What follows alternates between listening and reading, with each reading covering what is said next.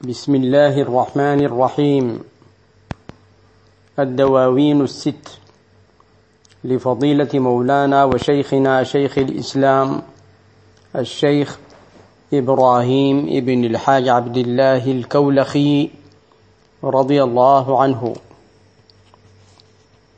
تقديم أبو عركي الشيخ عبد القادر النذير الحلقة رقم سبعة وستين. تكملة قصيدة طويت وسهلت الطريق إلى الحق لكل مريد الوصل للحق بالحق. قال رضي الله عنه فلي كل وقت زفرة بعد زفرة فبرهان هذا الصدر كالشمس في الأفق. طويل البكا باد الضنا مضرم الحشا. فينسيك ما بي حالة السحق والمحق بكيت فأفنيت الدموع فما البكاء. سوى حالة للقلب من حرقة الشوق. ألا جالس المختار بالحب معرضا عن الغير تأتي للمطالب من فوق. ألا جالس المختار بالحب معرضا عن الغيد تأتي للمطالب من فوق. فتعلم أن ما كل بيضاء شحمة وصهباء خمرا عند ذي الميز والفرغ.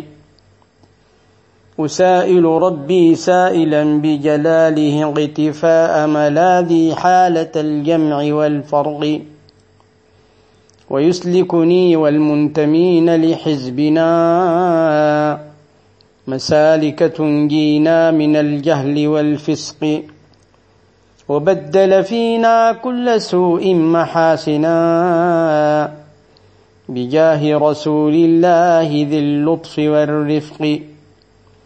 ويتحفنا فوق المنى الدهر باسطا. لنا كل فيض من علوم ومن رزق. ويرزقنا سترا ورشدا ورحمة. ومغفرة من كل ذنب ومن خلق. صلاة وتسليم على خير هاشم. تساوي صلاة الدائمين من الخلق. صلى الله عليه وعلى آله وصحبه وسلم. حق قدره ومقداره العظيم. أقول مستعينا بالله سبحانه وتعالى. ومستمدا من أبوابه.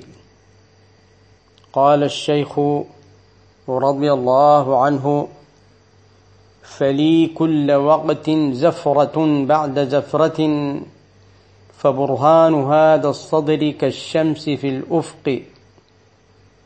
فلي الشيخ رضي الله عنه يمثل ويبين حبه للنبي صلى الله عليه وعلى آله وصحبه وسلم الذي تقدم الكلام عليه في هذه القصيدة فيقول فلي كل وقت لي في كل وقت زفرة بعد زفرة والزفرة التنفس الحار الذي تصحبه آهة تنفس بتأوه الزفير الذي يطلقه الإنسان بتأوه. من شدة الشوق. ثم قال رضي الله عنه فبرهان هذا الصدر كالشمس في الأفق. دليل وبرهان ما يوجد في صدري من هذه المحبة. وهذا الشوق مثل الشمس في الأفق. ظاهر بين واضح يراه كل إنسان. منه هذه الزفرة. ومنه أيضا أني طويل البكا باد الضنا مضرم الحشا. طويل البكاء دائم البكاء بادي الضنا يعني ظاهر التعب. من شدة الشوق مضرم الحشا. الحشا والباطن محترق. كأنه محترق بنار. من شدة هذا الشوق. فينسيك ما بي حالة السحق والمحق. ينسيك الذي بي في حالة السحق والمحق. والسحق والمحق مصطلحات عند الصوفية معروفة. فالسحق إحساس العبد بذهاب تركيبه تحت قهر سلطان التجلي. يعني عندما يكون هناك تجلي من الحق سبحانه وتعالى ويكون هناك قهر من هذا التجلي يحس الشخص بذهاب تركيبته كلها. هذا هو السحق. أما المحق فقد قالوا إنه أعلى من السحق وهو فناء العبد في الحق. وهي أيضا حالة ذوقية يجدها المحب والعاشق والمتوله بالله سبحانه وتعالى. بكيت كل هذا من البرهان. بكيت فأفنيت الدموع ما تركت دمعا فما البكاء سوى حالة للقلب من حرقة الشوق وفي نسخة من حرقة الشوق لكن الأصح نسخة حرقة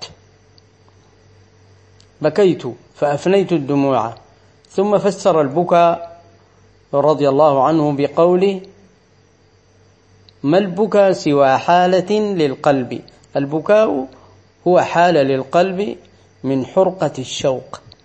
القلب يحترق من الشوق فتنزل الدموع تدل على هذه الحالة.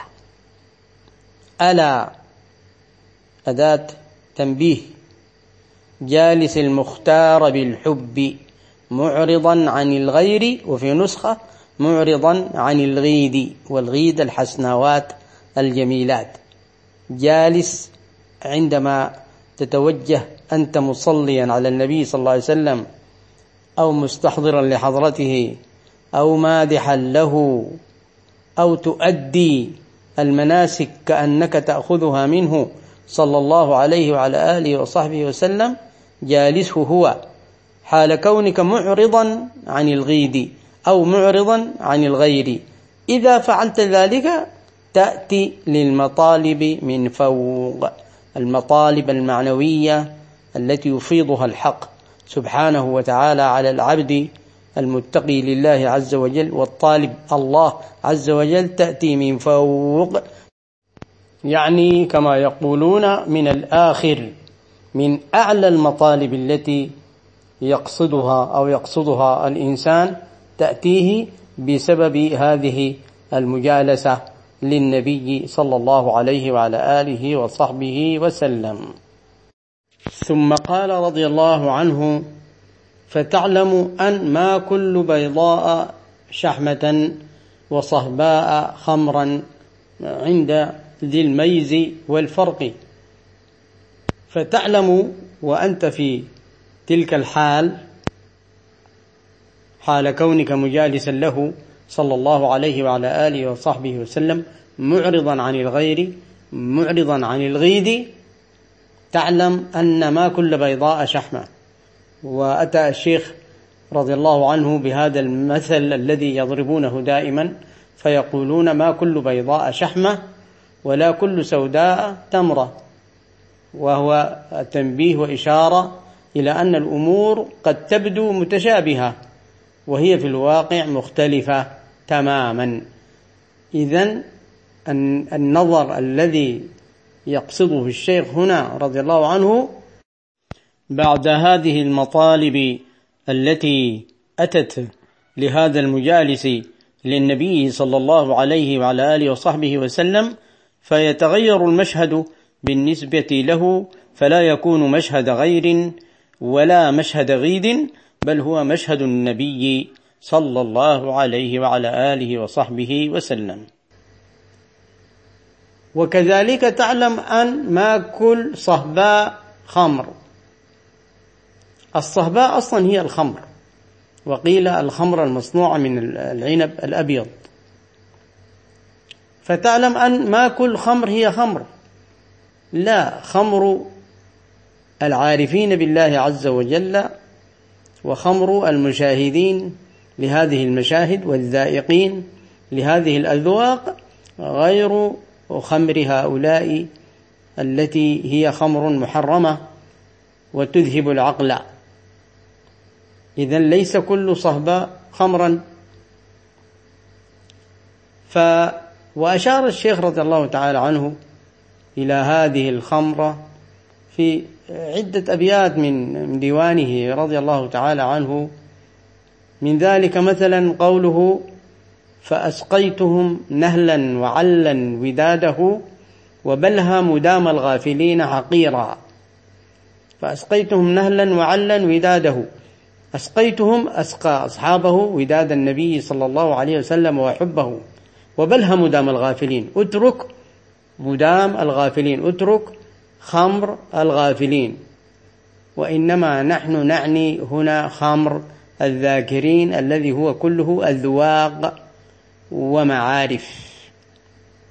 وقال أيضا في بيت آخر وخمر حلال للغبوق وبلهما سواه ففيه للنديم جناح وصف مديحه للنبي صلى الله عليه وسلم بأنه خمر حلال. واترك ما سواه الخمر التي هي خمر اتركها ففيها للنديم والمصاحب والمعاقر جناح فيها ذنب. وفي بيت آخر يقول مديحي خمر يزدري كل صرخذ. إذا فتعلم أن ما كل بيضاء شحمة وما كل كذلك صهباء خمرا.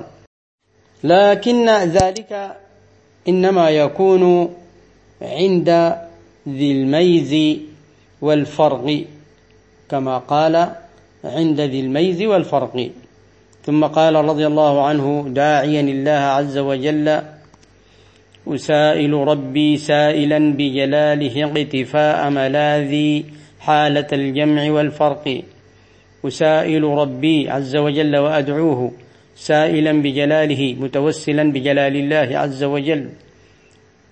اقتفاء ملاذي اتباع ملاذي الذي هو النبي صلى الله عليه وعلى آله وصحبه وسلم حالة الجمع والفرق. يعني أتبعه وأتمسك بشرعه في حالة الجمع والفرق. لا أفارق هذا الشرع ولا أفارق الاستقامة كما يفارقها بعض الناس في بعض الأحوال مدعين أنهم في حالة جمع وإنما هو جزم روح بعد أن يستمر بهم. حلاوة ما يجدونه فيستمرون على هذه الحلاوة والحال أنهم باقون وليسوا فانين فيدعون ذلك ويفارقون شريعة الله سبحانه وتعالى. أنا أسأل الله عز وجل أن أكون متمسكا باتباعه وبشرعه في حالة جمعي وحالة فرقي. والجمع والفرق أيضا هي آه، هما مصطلحان عند الصوفية. الجمع إشارة إلى عين الفناء بالله عز وجل والفرق شهود الخلق. فالجمع حكم الروح والفرق حكم حكم الجسد. ثم قال ورضي الله عنه ويسلكني والمنتمين لحزبنا مسالك تنجينا من الجهل والفسق. يستمر في دعائه فيقول ويسلكني والمنتمين لحزبنا. يعني يسلكني ومعي المنتمون لحزبنا. والحزب العام هو حزب الله حزب الإسلام. الدائرة الكبرى هي دائرة الإسلام. ثم دائرة أخرى خاصة هي دائرة الطريقة. ثم دائرة خاصة دائرة المنتمين له. يسلكنا مسالك طرق تنجينا من الجهل بالعلم ومن الفسق بالتقوى. وبدل فينا كل سوء محاسنا يبدل أسواءنا محاسنا. بجاه رسول الله ذي اللطف والرفق. ويتحفنا فوق المنى الدهر. كل الوقت يتحفنا فوق الأمنيات. باسطا لنا كل فيض. من علوم ومن رزق. حسي ومعنوي. آمين. ويرزقنا سترا أو سترا. كلاهما صحيح. ورشدا ورحمة ومغفرة من كل ذنب ومن خلق أي سيء.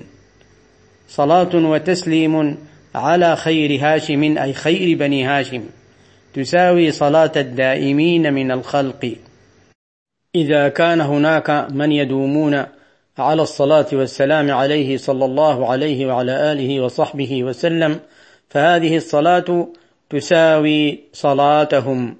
والملائكة كما هو معلوم تصلي على النبي صلى الله عليه وعلى آله وصحبه وسلم.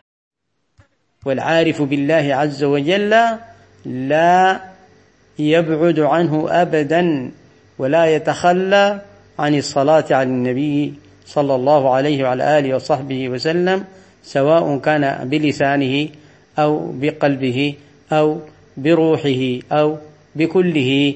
كما قال الشيخ رضي الله تعالى عنه فكلي مشغول بكل محمد.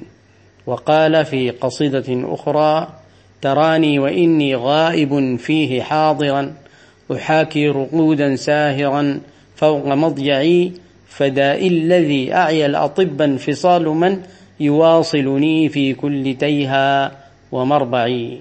صلى الله عليه وعلى آله وصحبه وسلم. حق قدره ومقداره العظيم. ونواصل إن شاء الله تعالى.